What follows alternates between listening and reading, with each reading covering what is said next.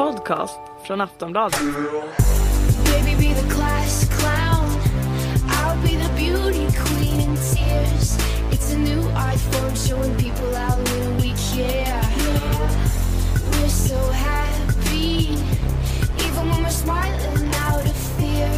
Let's go down to the tennis court and talk it up like yeah.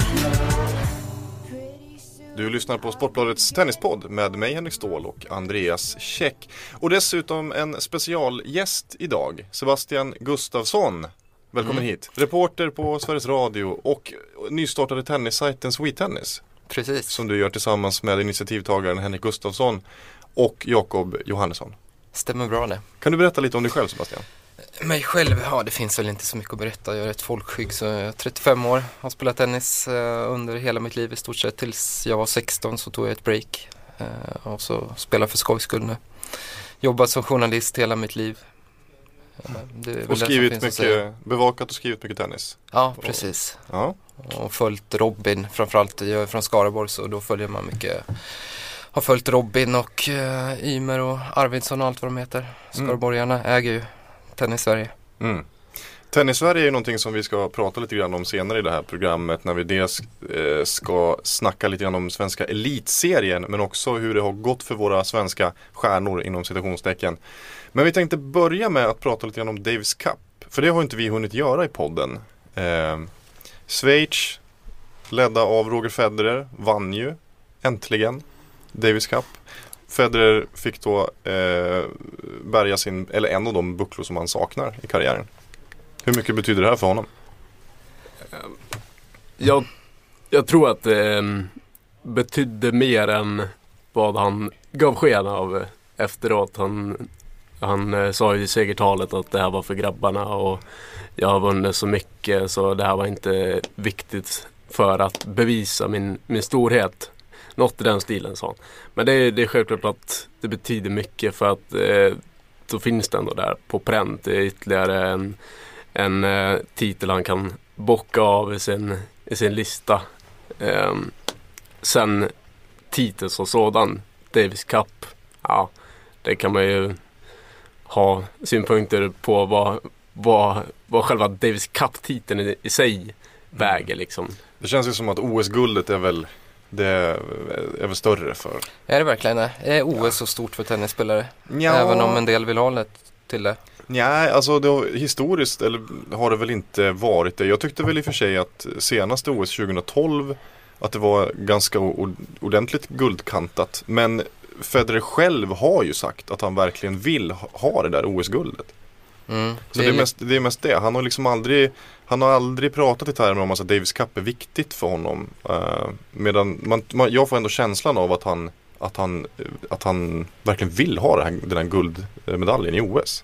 Att det är någonting han strävar efter. Men han sa ju direkt efter finalförlusten mot Andy Murray 2012 att han siktar på OS 2016. Varför skulle han göra det om inte för det där är viktigt? Ja, det känns ju lite konstigt om han jag vet inte vad som är bäst för sitt land egentligen att vinna Davis Cup eller OS. Det är ju så han måste känna att han kanske inte har vunnit någonting för, för just Schweiz. Mm. Förutom det här dubbelguldet som han tog med Wawrinka i och för sig. Det ska Mm. vi inte glömma bort. Men I OS 2008.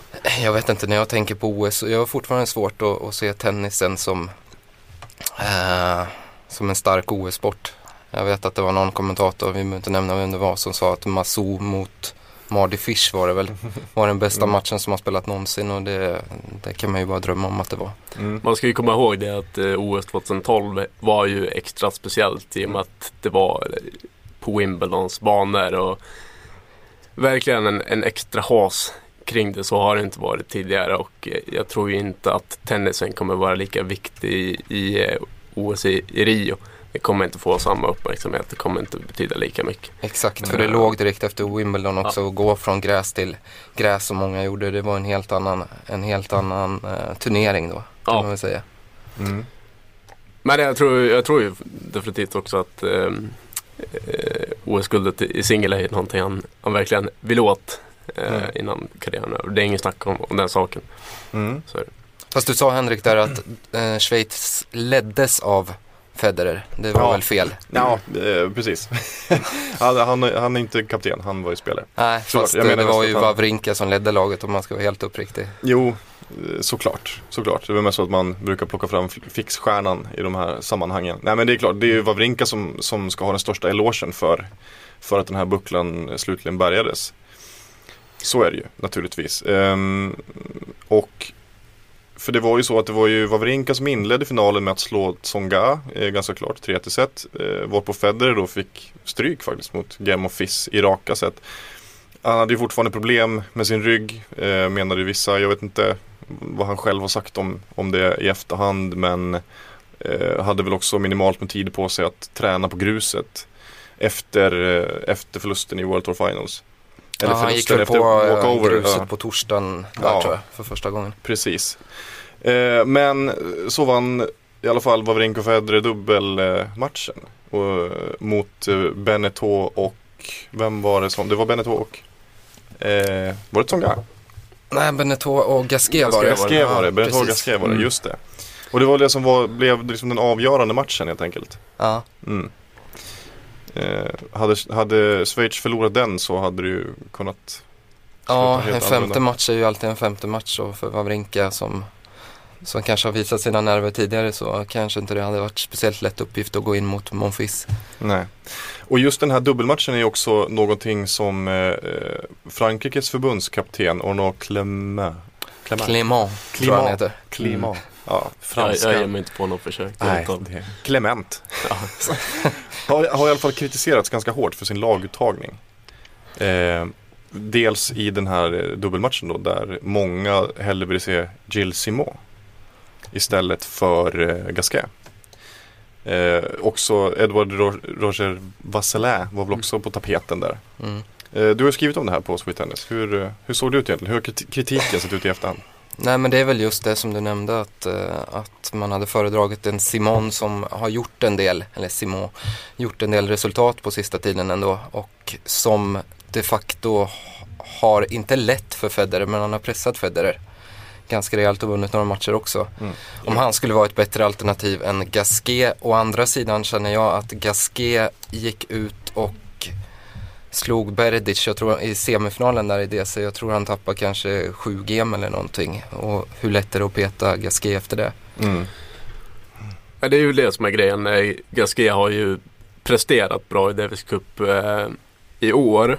Mm. Men ska man gå på, på formen. Du tänker på Simons facit också i Davis Cup eller? Ja, Han har vunnit en match då utav åtta och det kom mot någon uh, österrikare, vad han hette, Kobek tror jag. ja, Ja.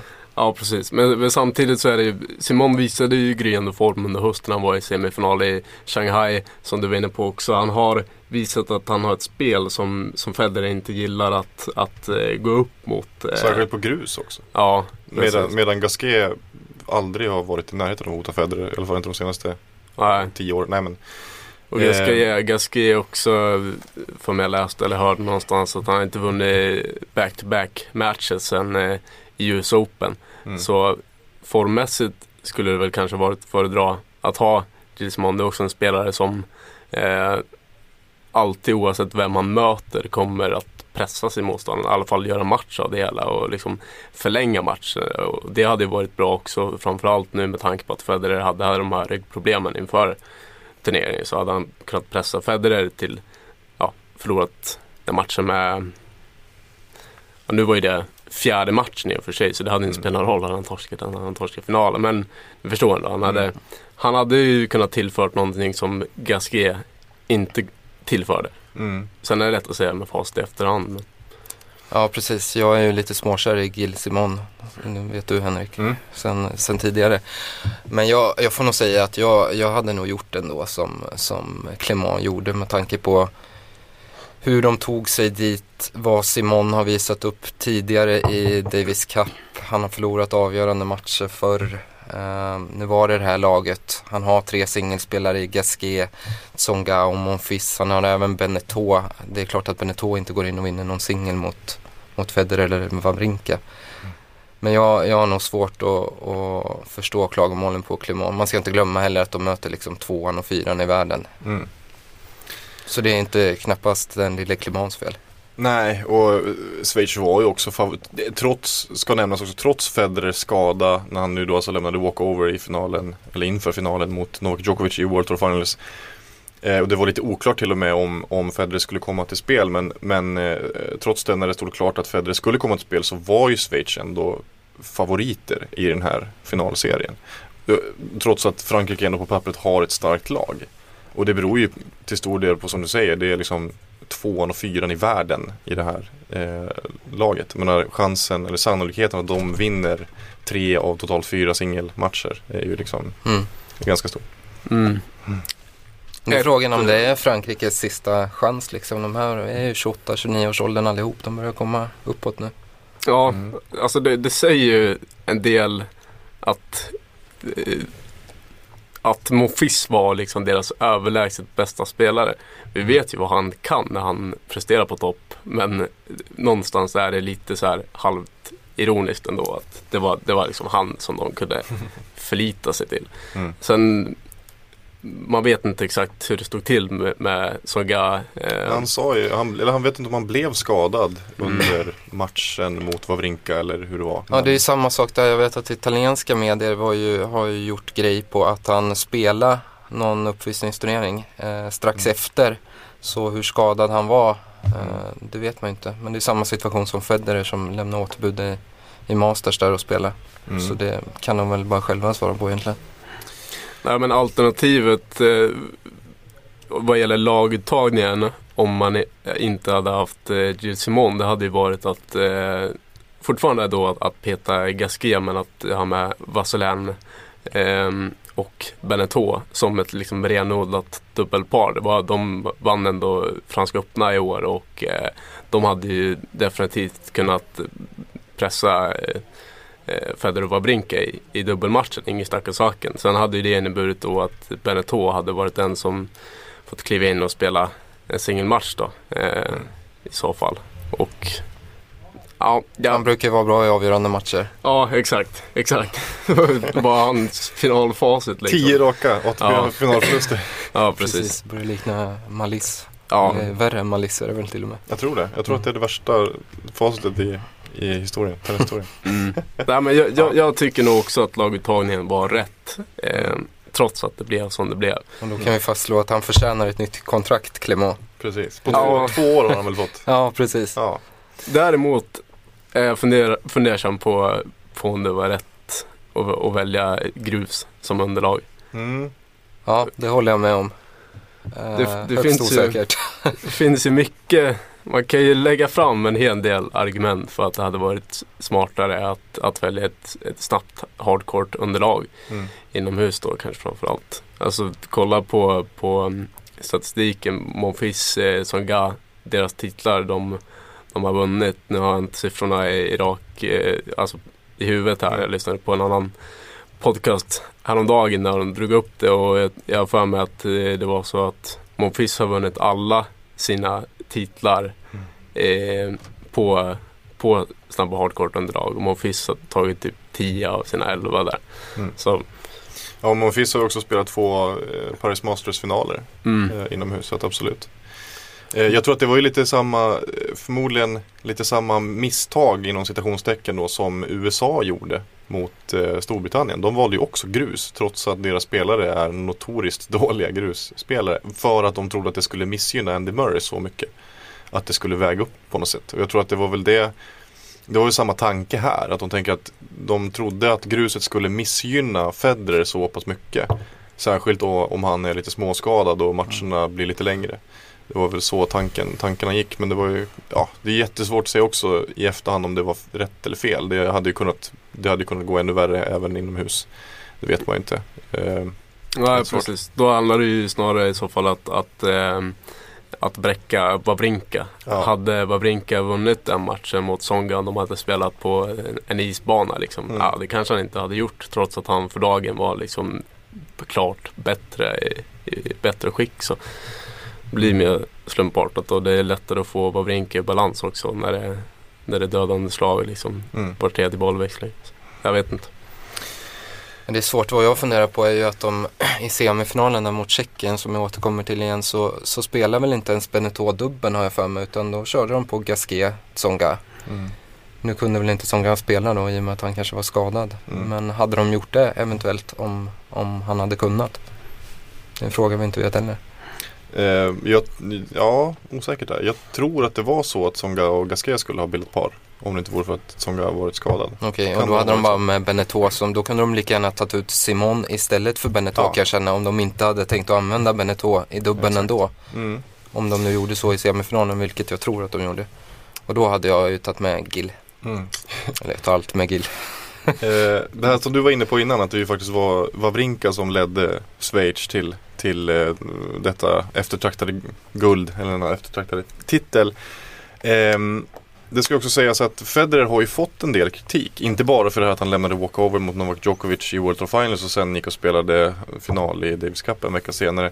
Eh, bland annat eh, Tennis Magazines eh, krönikör Steve Tigner var ganska syrlig i sin krönika efter, efter Davis Cup-finalen och menar på att eh, Ja men att Federer har liksom eh, Ska man säga leachat lite grann på Wawrinka. Det är Wawrinka som alltid har varit den här personen som har ställt upp eh, och verkligen gett Schweiz en, och Davis Cup en ärlig chans. Medan Federer har varit, visserligen har han ju kommit in och räddat Schweiz några gånger men han har aldrig satsat. Och nu, nu när Wawrinka liksom, i och med hans rise to fame eh, så kommer Federer, glider Federer in där på ett bananskal och liksom ror hem hela tjottabalunsen. Ja, man har ju varit, eller jag har ju alltid gillat Federer. Eh, men vad man har ställt sig tveksam till är att han aldrig har ställt upp i, i Davis Cup. Och varför han gör det nu, det kan ju bara han svara på i och för sig. Mm. Men eh, Han har ju historiskt sagt att han, att han lägger fullt fokus på Grand Slam och därför inte har känt att han har tiden och kapaciteten. att spela femsetare och en Ja, hel, ja. exakt. Han har, han har velat lägga all sin energi på, på Grand Men då Slam. kanske det finns en förklaring i den då att Stefan Edberg har ju uppenbarligen sagt då att han ska spela mer mm, turneringar. Så där i kanske förklaringen ligger. förklaring. Att, Sen eh, tror jag också, och jag tycker inte heller att det är någonting, det säger inte jag som något negativt, men det, jag, jag tror också att det finns en förklaring i att Wawrinka faktiskt har blivit mycket stabilare. Att, han, att Federer såg sin chans, att nu kan han vinna Davis Cup och då är det, är det mer värt att satsa. Och jag tycker inte heller att det skulle vara något fel i det. Det köper inte jag riktigt utan jag tror nog att Federer har känt att de har haft chansen i de senaste i alla fall fyra fem åren eh, med en Wawrinka i laget och en Roger Federer. Då måste man ju vara nästan stor favorit mot, mot alla. Ja, Köper du inte det? nej inte, Nej, inte under de senaste som, åren. Inte Alltså, som Wawrinka var 2011, 2012 där. Men man har ändå chansen menar jag. Ja. Federer har alltid chansen att vinna sina två singlar och med Mm. Wawrinka bredvid sig har han alltid chansen att vinna dubbel också. Det räcker ju med tre, tre vinster. Och. Wawrinka, att han förlorar två singlar, visst det kan han göra mot vissa länder men förmodligen inte mot alla. Mm. Mm. Ja, men Ja. Det, det håller jag med om att de har, all, de har alltid chansen. Mm. Skulle de ha om, om Federer hade ställt upp varje år. Så Precis, Mm. fast nu var de stor, stora favoriter det här Ja. året i och med att Det båda är lite det, det, är lite det Wawrinka ju, är het. Mm. Ja, det är lite det jag har varit är, är inne på. Att jag menar, med, för med det här resonemanget då är det väldigt, väldigt många länder som har chansen. För att det finns många länder som har fler än bara en bra spelare eller som har kanske en jättebra singelspelare och en bra dubbel. Alltså ta så till exempel Tjeckien som egentligen har två spelare. Det är Berdych och det är Stepanek och det är framförallt när Berdych och Stepanek spelar dubbel. För då räcker det med att Berdych tar sina Ja. två singlar och så har en dubbel. Och det Absolut. har de ju gjort På- på, ja, många år. Så på så vis kan man absolut, man kan ju liksom, men då kan man argumentera för att väldigt många länder har, har chansen. Men det jag menar är att jag tror att Federer kände väl att han hade en mycket större chans nu. Att det var liksom, att det fanns eh, mer, fler eller större incitament att verkligen satsa. Jag, jag tror han såg eh, ganska direkt att eh, just det här, den här säsongen var, var chansen att vinna Mm. extra stor. Därför att eh, Djokovic, jag vet inte om han hade deklarerat direkt att han inte skulle satsa på Davis Cup. Och de Jag tror det var så. ju, Ja, han Ja. var ganska tidigt ut och sa att han inte skulle köra. för de möttes väl, eh, Schweiz och Serbien möttes Ja. tidigt och då var ju Djokovic inte med. Mm. Eh, och eh, Spanien har ju fallit bort. De är inte ens med i World Group vilket ju är, ja, Genant. Mm. ja Verkligen. så är det ju. Men där, där försvann ju två liksom stora hinder Mm. på vägen. Och då var det ju inte så mycket kvar egentligen förutom ja, men Tjeckien och Ja, eh, Frankrike som och Frankrike. Ja. Ja. Det var de man lyfte fram, det var ju Schweiz och Frankrike. Jag vet när Precis, vi pratade sen- om det i våras då var det ju just Frankrike och Schweiz vi debatterade om. vilka- Ja. Vilken av dem som var favoriter. Tyskland fanns ju också och lurade Ja. lite men sen så hände ju det efter första matchen där att eh, de blev osams med förbundet, hela det Mm. tyska laget och så slängde de in, jag vet inte, det var Kamke och vad det nu var mer. Då var de inte direkt något hot längre. Nej. Nej men eh, jag, jag, jag tror det ligger en hel del i det där att Federer ändå han, han väljer att vraka lite grann att, och tänka att ja det här året då har vi chansen me- mer än andra säsonger och då, då kör jag. Sen om man kan kritisera honom för det eller inte det Ja, jag vet inte, jag är lite kluven. Jag, jag tycker kanske att man inte Jag tycker inte kan att man hade kunnat göra det om han inte hade ställt upp när Schweiz Mm. hade behövt honom. Men det har han ju alltid gjort. Federer har alltid ställt upp när Schweiz har, har, liksom, när de, de har varit i skiten. Och det tycker jag, gör man det då, då, då tycker jag att det är fullt, helt okej. liksom. jag, jag vet inte om sen som jag hade tyckt att det inte var okej om han inte hade gjort det. Men eh, det, man kan ju liksom inte kritisera hans, hans heder på något sätt i det här. Han har, han har ställt upp för Schweiz. Sen har han bara känt att okej, men jag satsar hellre på Grand Slam när det gäller att försöka vinna titlar. Eh, Absolut, och det är inte jag inget ovanligt fenomen heller. Det är ju- Och jag ser, jag, ser inga, jag ser inga problem med det. Ehm, ja, så att vi hyfsat enade, eh, eniga är vi väl. Mm. Vad säger ni, ska vi gå vidare på, på ska vi lämna eh, fransk mark ehm, och eh, beträda svensk mark? Vi ska titta lite grann på hur det ser ut i Sverige. Eh, Sebastian, du har ju bra koll på elitserien. Ja.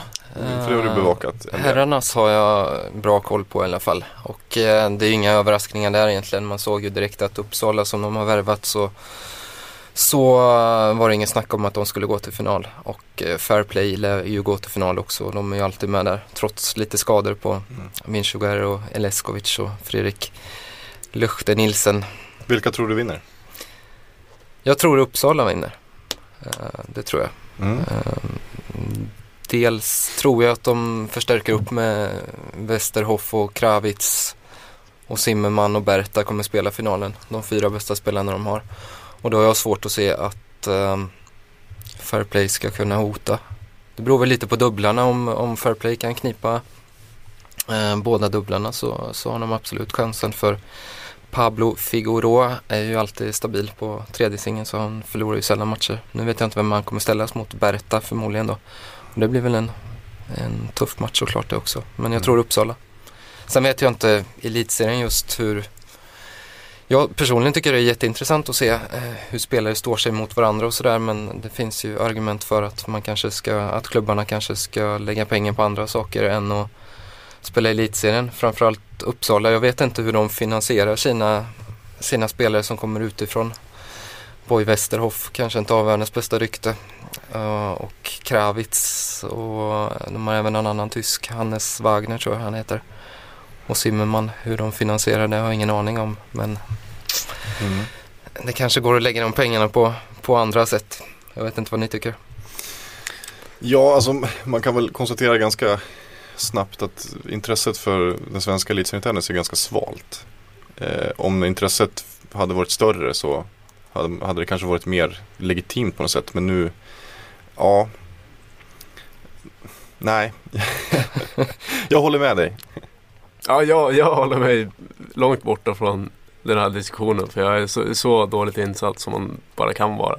Västerås inte är inte elitserien, är det därför? Ja, precis. När inte Västerås är med då, då finns det ingen anledning Nej men eh, går det ens att följa matcherna via någon slags stream? För det kan Nej, streamen kan man inte kolla. Absolut inte. Man kan Ja. följa, hänga med hyfsat resultatmässigt på nätet på Mm. någon sida. Eh, men stream går inte. Fast jag, ja, nej men jag, Men hade jag det tycker det kunnat kul fungera så här rent rättighetsmässigt? Bara dunka upp en, en halvbillig kamera och köra bambooser. Mm. Försöka sprida lite hype på, på Twitter. Dunka upp någon Wordpress-blogg och skriva några rader om. Alltså, ja, men det är ju det, om man, om man ska satsa då vill man ju att det ska satsas ordentligt. Nu är det en jäkla halvmesyr, det är det som är irriterande. Det känns som att man liksom lägger ner pengar på någonting som, det, som inte ger någonting. Ja, det kan jag väl köpa eh, lite, absolut. jag, jag, jag pratar inte om att skicka dit TV4 Nej. och stortsatsa Nej. på sändning. Men det finns ju ändå alltså, Det finns ju, ja, herregud, Falu TK brukar ju Mm. sända liksom sin eh, Future-turnering och det, det är jättebra eh, faktiskt med tanke på vad, vad det är för nivå vi pratar om där. Det är verkligen gärdsgårdsserien i tennisen och där har de ändå en livestream man kan följa alla Fast å matcher. andra sidan, jag tycker inte man kan säga att det är gärdsgårdsserien Future. De här killarna är, de är riktigt bra alltså, Jo, jo, jo, men, egentligen. men om du ser till ATP, sen har du Challenger, sen har du Future. Då, alltså det är ju som fotbollens division 5. Ja, det skulle jag inte sträcka mig till alltså. Superettan i så fall skulle jag säga. Future Superettan? Ja. Ja. ja, det håller jag nog inte med om. Ja men kolla på, om man ska jämföra, det är svårt att jämföra sporter men hur många topp 1000 har man i, i fotboll liksom i Sverige? Mm. Hur många topp 1000 har vi i tennis? Vi har ganska många, nu är det en enskild Jo. sport å andra sidan så det är svårt Exakt. att jämföra Också så. hur, Men hur många att säga gärdsgårdsserie om Future, det tycker jag faktiskt är ganska respektlöst. Oj, hoppsan. Nu attacken blir i det tennisbanan. ljud här. Ja, ja. Vi brukar inte vara eniga om någonting så det är, Så är det ju. Ja, konstigt alltså, att det har dröjt så här länge. Ja, vi, vi kan väl också bara slänga in det att det finns ett par miljoner fotbollsspelare i världen och eh, kanske inte lika många tennis. Men okej, okej. Jag tar tillbaka I det. de flesta länderna ska man inte glömma är ju tennis den näst största sporten. Om du kommer ner mot Frankrike och, och Tyskland och sådana stora länder så är det ju faktiskt så. I Italien där jag har bott senaste året också så växer det ju enormt intresset. Mm. Eh, så, så liten sport är det inte skulle jag säga. Nej, nej, men det har jag inte sagt heller. Herregud, vi skulle inte sitta och prata om tennis som vi tyckte var en liten tråkig sport. Nej men det, Herregud, det, det, men- det finns ju, finns ju liksom en anledning till att vi, vi, vi har den här podden och eh, Mm. alltså det, därför att det finns ändå en liten kärna i Sverige som bryr sig om tennis och som jag tror också skulle vara intresserade av att eh, kunna följa liksom det som händer i, i elitserien. Alltså det, det kan man ju via er sajt bland annat och, Mm. och sådär men det Ja, jag tror att man skulle kunna skapa något slags intresse på ett relativt enkelt och billigt sätt. Det handlar bara om att någon tar på sig ansvaret och jag vet inte om det är klubbarnas ansvar att Mm. se till så man kan Och Falun har gjort det jäkligt bra får man ju Ja, säga. precis. Så Eh. se och lär av dem. Ja, något sånt. För personligen så, jag, jag släpper det där. När, när liksom slutspel och i det här fallet Davis Cup är över då, då, då är det vila i några månader. Då, Mm. då, då tar jag mig inte tid att, sätta mig in i, i vad som händer i elitserien. Mm. Sån, sån är jag. Det, jag vet Ehm. inte, ska man skämmas för det? Nej, Nej, jag det- tror inte det. Men det, det jag säger inte att alltså, det är bra att det finns folk som engagerar sig. Men jag, jag, jag tror att man skulle kunna få upp intresset ännu lite mer. Alltså. Absolut. Det, Håller du med? Ja, ja, jag tycker att, den är, eh, att det är ett väldigt kul koncept, absolut. Nu är det kanske lite olyckligt om man ser det som så. I herrarnas elitserie så har vi, vi har GLTK, vi har Lidköping och vi har Fair Play tror jag. Och sen så är det bara Stockholmsklubbar, KLTK, Salk, Näsby Park, Trollbäcken, vilket är Mm. åttonde laget. Eh, det är ytterligare något lag involverat. Jag ber om ursäkt att jag inte kommer ihåg det. Nej, det är lugnt. Eh, Men eh, det blir ju nästan bara Stockholmsklubbar då som, Mm. som är med i elitserien och det gör ju kanske att intresset kanske hade varit större om, om det hade funnits i lite mindre städer. Ja, eh, eller om Västerås hade varit med. Precis, Ja. eller Tidaholm förslagsvis. mm. Eh, Då tror jag det hade varit lite annorlunda. Men som det ser ut nu så har ju faktiskt de flesta av de svenska spelarna som finns ställt upp. Bröderna Ymer undantaget då. Utan vi har ju Isak Arvidsson har varit med varje match. Patrik Rosenholm har varit med varje match också till exempel. Mm. Uh, Lindell av förklarliga skäl så är ju inte han med då. Men det har ju sina orsaker att han förmodligen befinner sig på annan, i ett annat land. Mm. Men det, det är väldigt intressant att se hur, hur spelarna står sig. De som, de som det har satsat på nu till exempel, hur de står sig jämfört med, med sådana till exempel tränare som kommer in och spelar. Mm. Eh, precis, och då kommer vi in på nästa ämne. För du har gjort en, en eh, intervju på, på Svea Tennis med en tränare som heter Rickard Holmström. Eh, 33 år gammal, tränar då alltså Lidköpings TK. Rickard tränar eh, Stavanger, men han spelar för Lidköpings TK. Han spelar för, oh, Det det, han spelar för Lidköping. Staffan Falkenström däremot eh, har jag också pratat med. Han eh, spelar för Lidköping och tränar, eh, är tränare i Lidköping. Så de är två där i Lidköping. Mm. Eh, din intervju i alla fall så pratar du om, eh, om det här med eh, tennisskolningen idag jämfört med liksom under den svenska gyllene tenniseran. Eh, taktik och tränarens roll och så vidare. Och eh, Rickard Holmström själv är ju lite förvånad över att han, eh, han och andra i hans liksom, årskurva ska säga, står sig så himla bra mot yngre hårdsatsande förmågor. Bland annat var, var det förra året som han besegrade Marcus Eriksson? Nej, han slog Marcus Eriksson för bara några veckor sedan Ja. i Stavanger, vilket ju är lite konstigt med tanke på hur mycket det har satsats på Marcus Eriksson. Mm, som nu är alltså Sveriges femte bäst rankade tennisspelare. Ja, Mm. och var eh, länge topp känns det väl som. Han har ju gått ner sig rejält på slutet här men. Mm. Kan du berätta lite om vad, vad Rickard Holmström säger i sin intervju om Ja, nej men han, eh, han är ju förundrad då såklart att, eh, att de står sig så bra. Tränarna som inte tränar någonting egentligen möter de här fullsatsande och vinner allt som ofta känns det som. Eh, Jag tror Holmström förlorade nog inte match i elitserien i fjol. I år förlorade han mot Renard, Lukas Renard med 11-9 super tiebreak. Renard han satsar ju stenhårt också liksom och åker runt och spelar futures hela tiden. Och, men Holmström säger ju en intressant sak där att man ska inte glömma bort att de här äldre killarna som är upp mot 30 nu, de var ju, när de satsade så var de ju en bortglömd generation egentligen. För då fanns ju Björkman, Thomas Johansson, Söderling i viss mån. De fanns där och de här Holmström och Falkenström och Timfjord och allt vad de heter. De, eh, det var ju som så att de låg ju där våra killar, våra bästa killar är då. Mm. De låg runt 300-400 och kunde matcha och förmodligen, som Holmström också är inne på, har en bättre taktisk skolning. Nu för tiden ser man ju, när man går till en tennishall så ser man ju folk som står och leker vilda västern liksom, står och slår allt vad de har på det mesta. Och eh, från läktaren så ser det ju jätteimponerande ut men sen när man kommer ner på banan, jag har själv varit där på lite lägre nivå såklart men de senaste åren. När man går ner och slicear lite och mixar upp sitt spel då, då är det inte så jävla märkvärdigt att stå och slå så hårt man kan på allting. Och även, d- han poängterar en sak som jag tycker är mycket, mycket intressant. Det är att förr i tiden så, när man spelade tennis, det var mycket spontantennis, man åkte iväg, eh, spela med sin kompis hela tiden i stort sett när det fanns ledig tid. Eh, då var det ju som så att man man såg upp till spelarna i världseliten. Ena dagen var man Jim Courier och försökte slå hans baseballslag, spela från bakplan. Andra dagen var man Stefan Edberg och körde renodlad servovolley. Man testar olika grejer hela tiden och jag tror inte det är så nu för tiden faktiskt.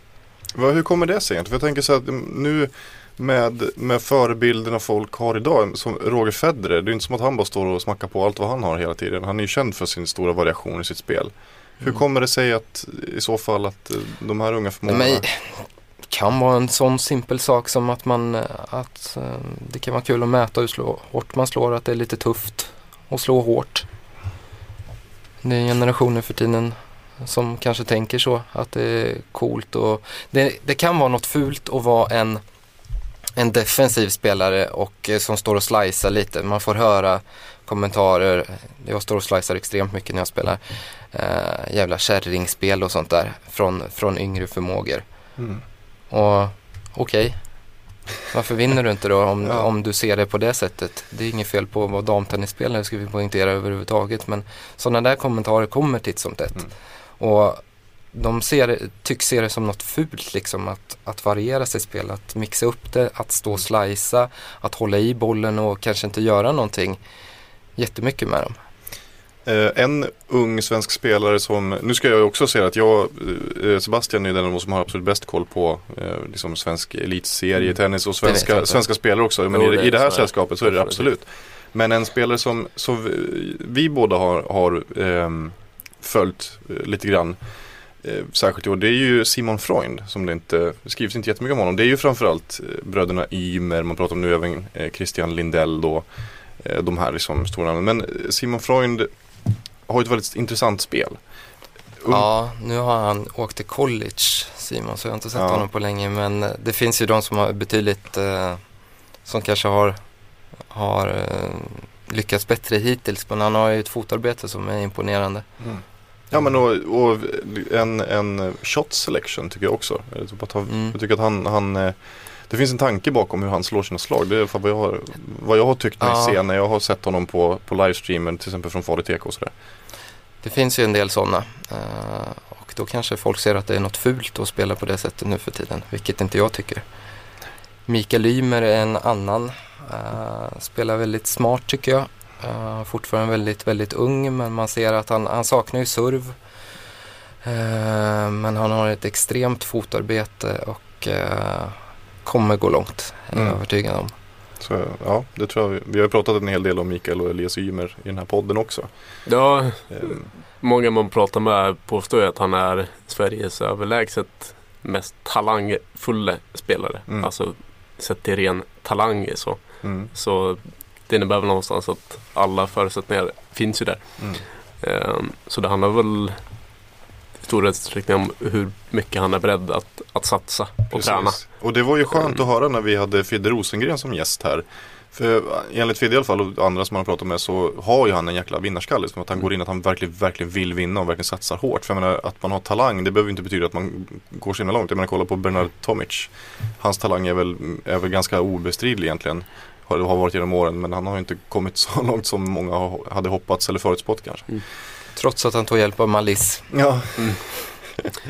Ehm, Men Mikael har varit i Mexiko här nu och spelat eh, junior-tävlingar. har gått till två semifinaler va? Och en- Precis. Ehm, var det en kvartsfinal också eller var det rent av en final? Ja, två semifinaler vet jag att jag minns. mm. Vet inte riktigt mer.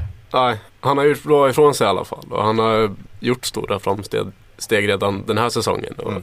Nästa säsong så eh, kanske han kan göra väsen av sig på, på Future-touren. Det är väl vad man hoppas. Eh, Absolut. Det är väl som Precis. så att han, han gjorde någon Future-turnering här i Mm. Sverige med gott resultat. Och sen så hade man kanske hoppats att han skulle få ett wildcard till någon annan Future men det fick han inte av någon anledning. Mm. Ehm, precis, innan, innan vi måste avrunda så ty- det, tycker jag det är kul att prata om just det här eh, och se till lite grann hur, hur Sverige står sig eh, mot övriga världen efter, efter eh, säsongsbokslutet bokslutet 2014. Och då var, har vi alltså två spelare innanför topp 300 som närmar sig eh, topp 200. Det är alltså Elias Ymer, eh, 230 och eh, Christian Lindell 232. Jag vet inte, personligen tycker inte jag att det är någon jättestor överraskning att- Elias Ymer går framåt så. För jag har ändå pratat ganska mycket om honom de senaste åren och, eh, och han har ju satsat hårt. Men, men Christian Lindell blev jag i alla fall lite, lite överraskad över att han, att han har kommit tillbaka så himla starkt i år. Han har ju ändå varit på tapeten ett tag. Eh, varit i en ganska djup formsvacka, det var lite fram och tillbaka sådär. Absolut, jag håller med om att det är överraskande och imponerande också för Mm, den delen. verkligen. Verkligen. Eh, och Elias har, har ett team omkring sig som är väldigt smart. Han väljer att spela väldigt ofta väldigt rätt turneringar.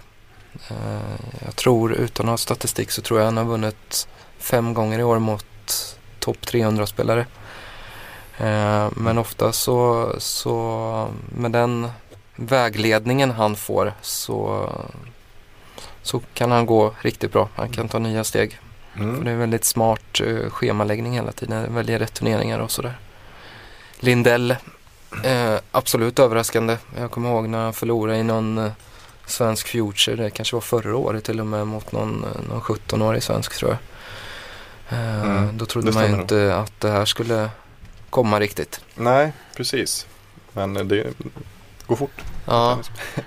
Men vad tror vi om, om Elias Ymer? Tror vi att han har chans att slå sig in på topp 100 inom ja, redan under 2015 eller får vi vänta Det till tror jag inte. 2016? Nej, det, vi får vänta till 2016 kanske innan det.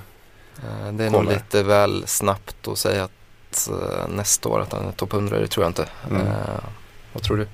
Nej, det, det tror jag inte på rak arm, Men just nästa säsong blir väldigt spännande för då kommer han till en ganska ett tydligt vägskäl om man ska kalla det för det. För att då, då är han precis på den nivån där han kommer att eh, pendla fram och tillbaka i, i avseendet får han vara med i, i kval till Miami och, och sådana Masters-turneringar och Mm.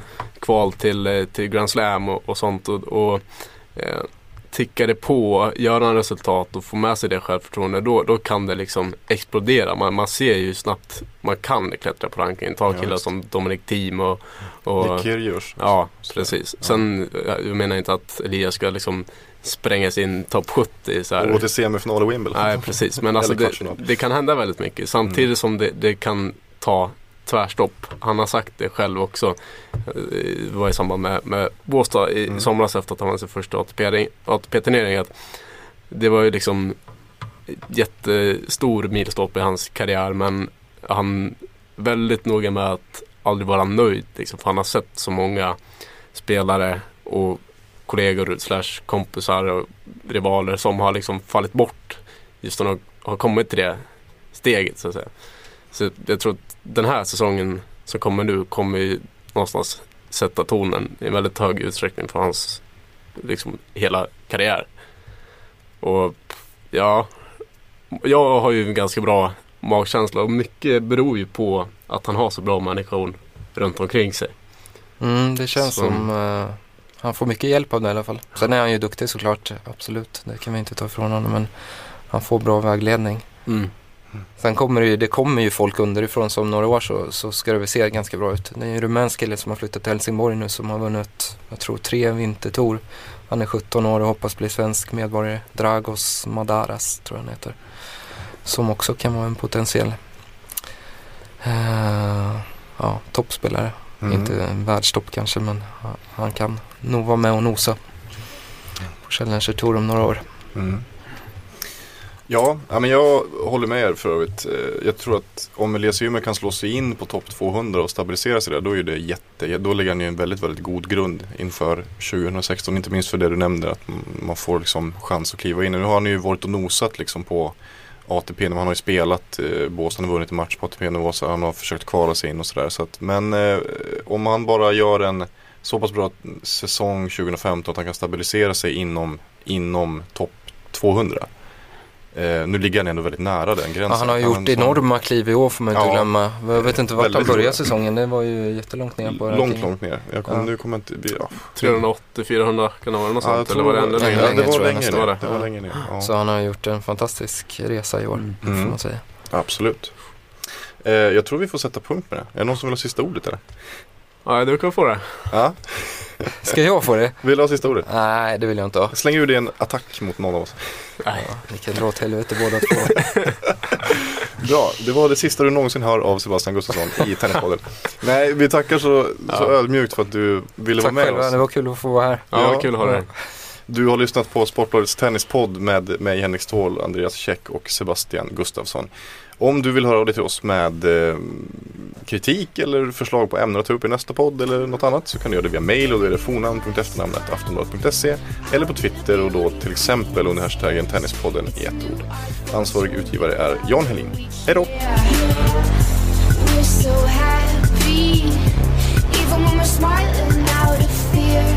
Let's go down to the tennis court and talk it up like yeah. Pretty soon I'll be getting on my first plane.